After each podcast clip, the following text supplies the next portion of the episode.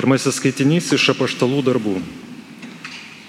Paulius atvyko į Derbį ir Listrą. Ir štai ten buvo vienas mokinys vardu Timotiejus.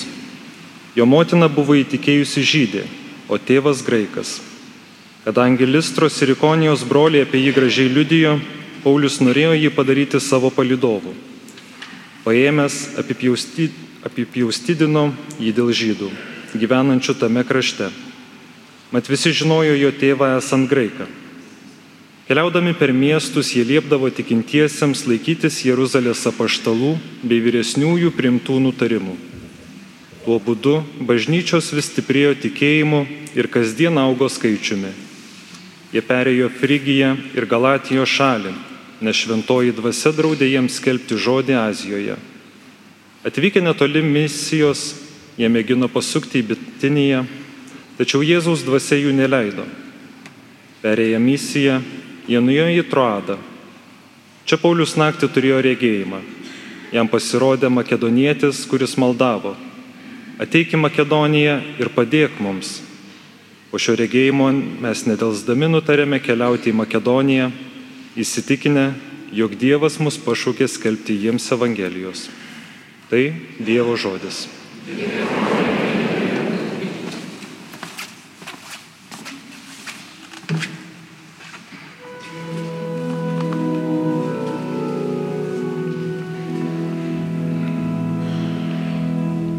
Visos šalis džiūgauki Dievui.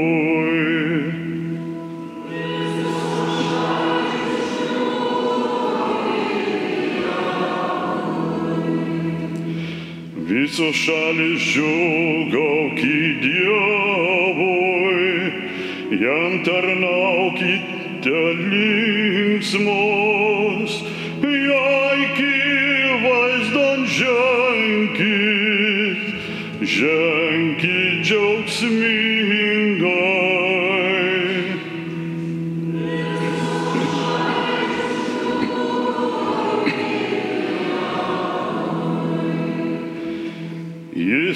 tikras Dievas, žinokit, Jis mūsų kūrė esam jo žmonės,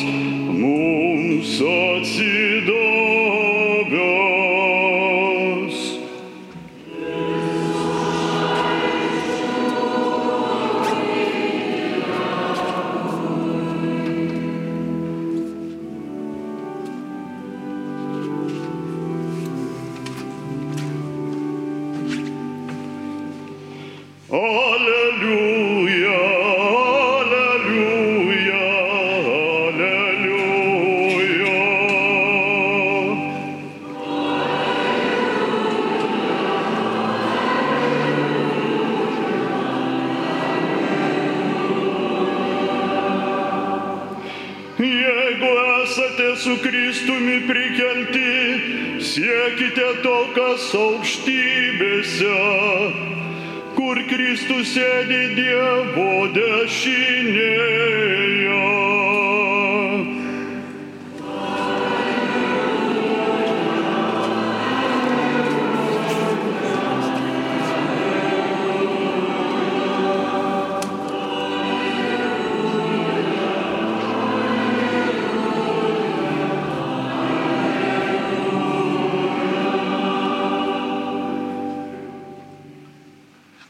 Viešpat su jumis.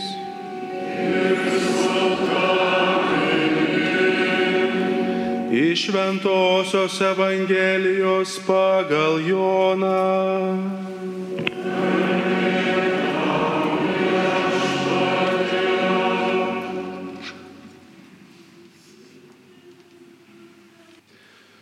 Anuo metu Jėzus kalbėjo savo mokiniams.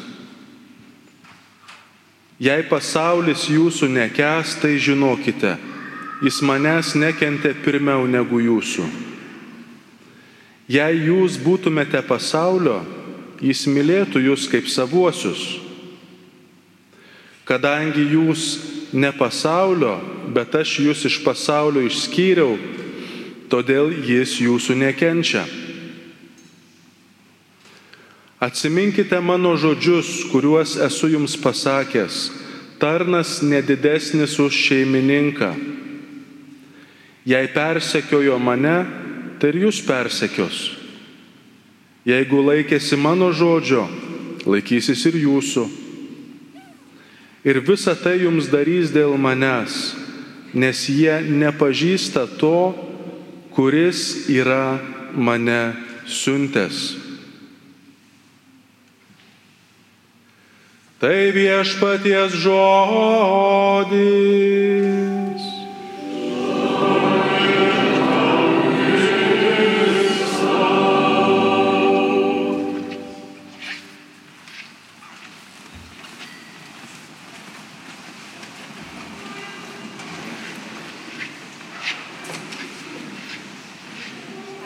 Mėly Kristaus broliai ir seserys, taip gausiai susirinkę į Šiluvo šventovę, mėly Marijos radio klausytojai ir visi, kurie jungiatės drauge įvairiausiais būdais į šią bendrą maldą. Ką tik nuskambėję Evangelijos žodžiai atrodo mums, taip mylintiems mergelę Mariją, gana kieti.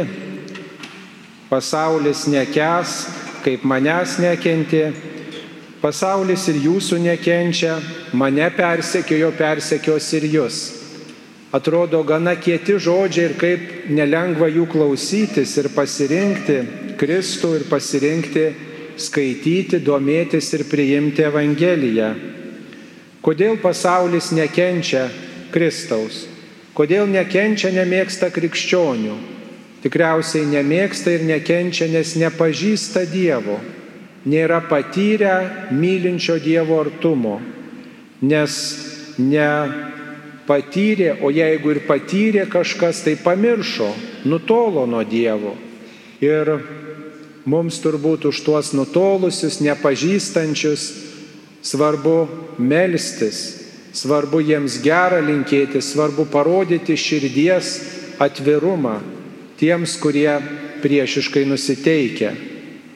Prisimename palaimintą į Teofilių Matulionį, kuris niekinamas, o vis dėlto neatsakė tuo pačiu.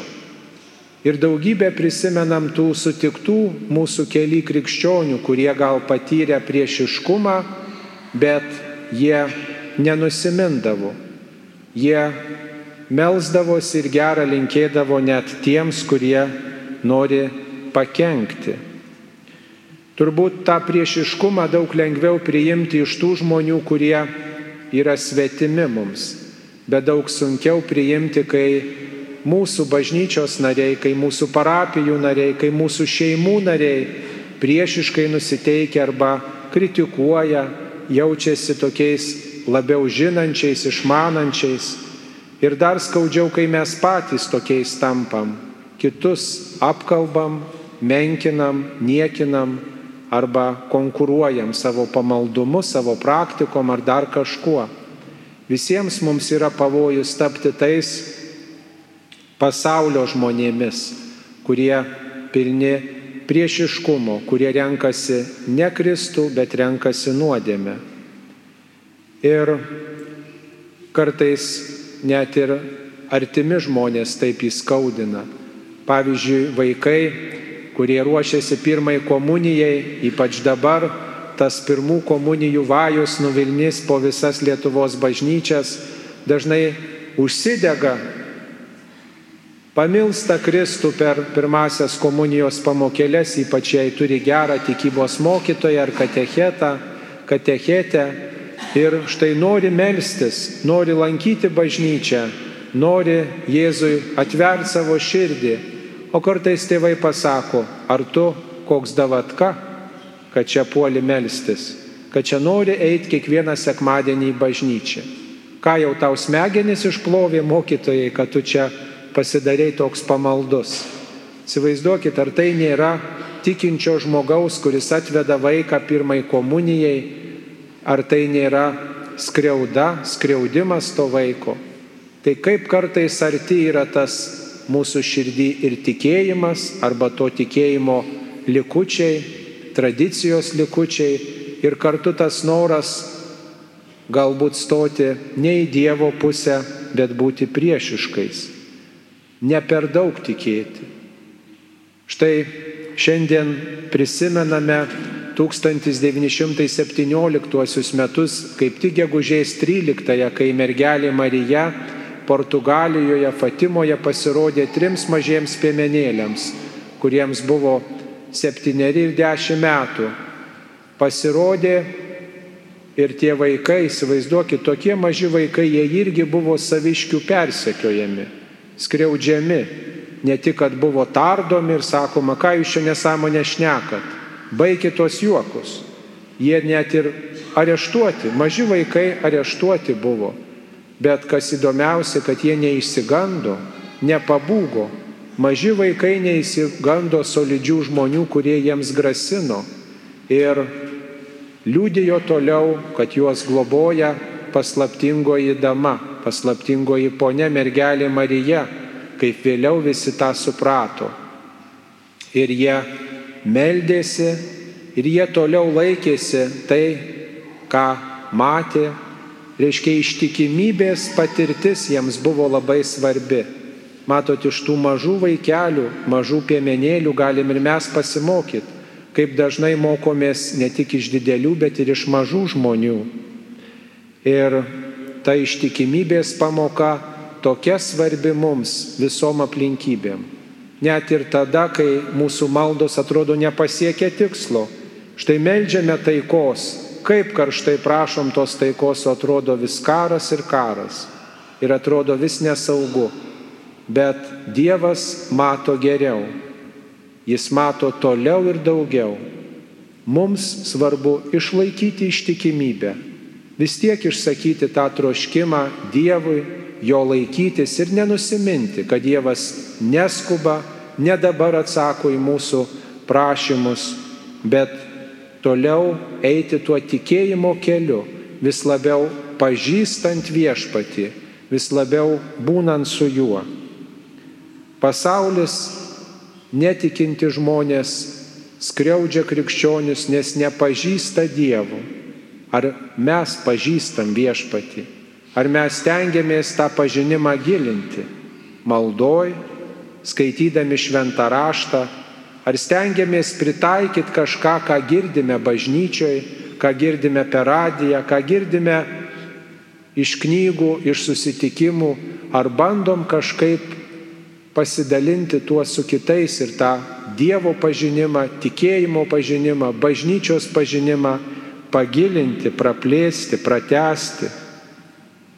Ir taip svarbu mums nepasilikti tam tikėjimo keli, kokie esam, bet pagalvoto, kaip dar galėčiau išbandyti galbūt kokį nauj, kitą maldos būdą, atnaujinti kažkaip kitaip melstis galbūt pakilti iš kažkokios įdos, kuri yra įsisenėjus mano gyvenime.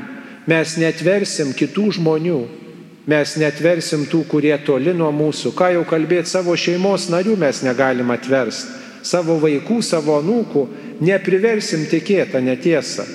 Bet ką mes galim, tai patys kilti iš savo trūkumų, iš savo įdų, Vat priejom iš pažinties ir pagalvokim, o kokia nuodėmė buvo tokia man ar Dievui skaudžiausia, iš kokios norėčiau labiau pakilti.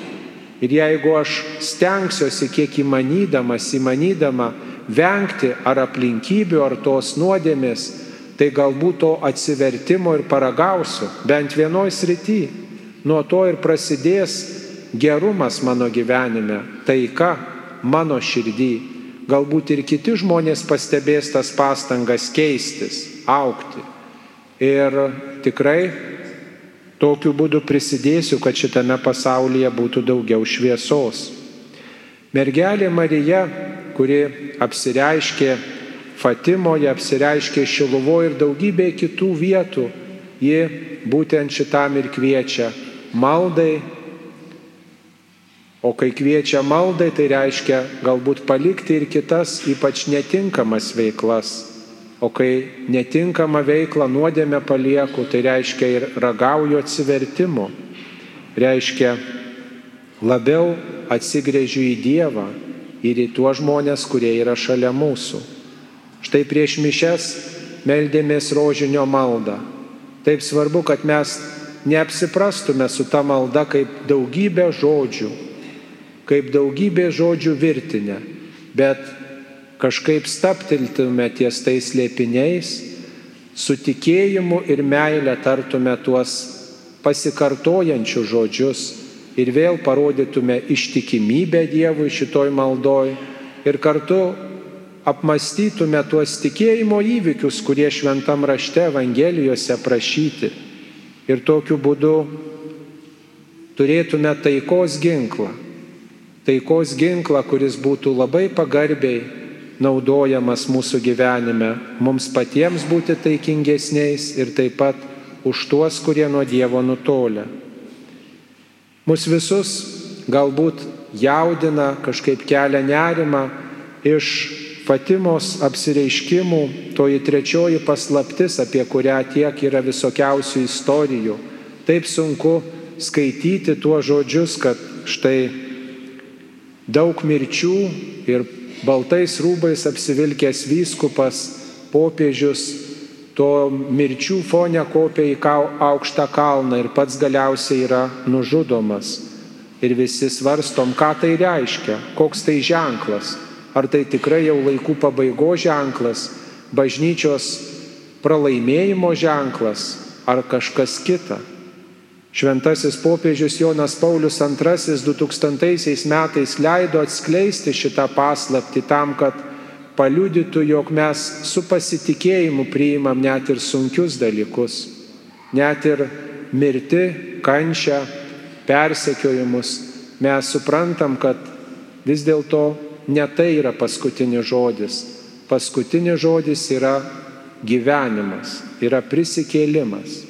Na ir kas, kad gal teks kažkokį sunkumą patirti, galbūt ir žiaurų sunkumą, bet Dievas, jis tame mato taip pat prasme ir sugebės tai išvesti į gerą. Ir jeigu Dievas yra mirties nugalėtojas, koks mums skirtumas, kaip tą Dievas pasieks? Juk jo mintis ne mūsų mintis. Ir jis sugebės viską išvesti į gerą, nes jis yra gėrio ir tiesos šaltinis. Gal tikrai mes nematom dabar prasmės, panašiai kaip, žinot, mesgamas moterų mėgstinis.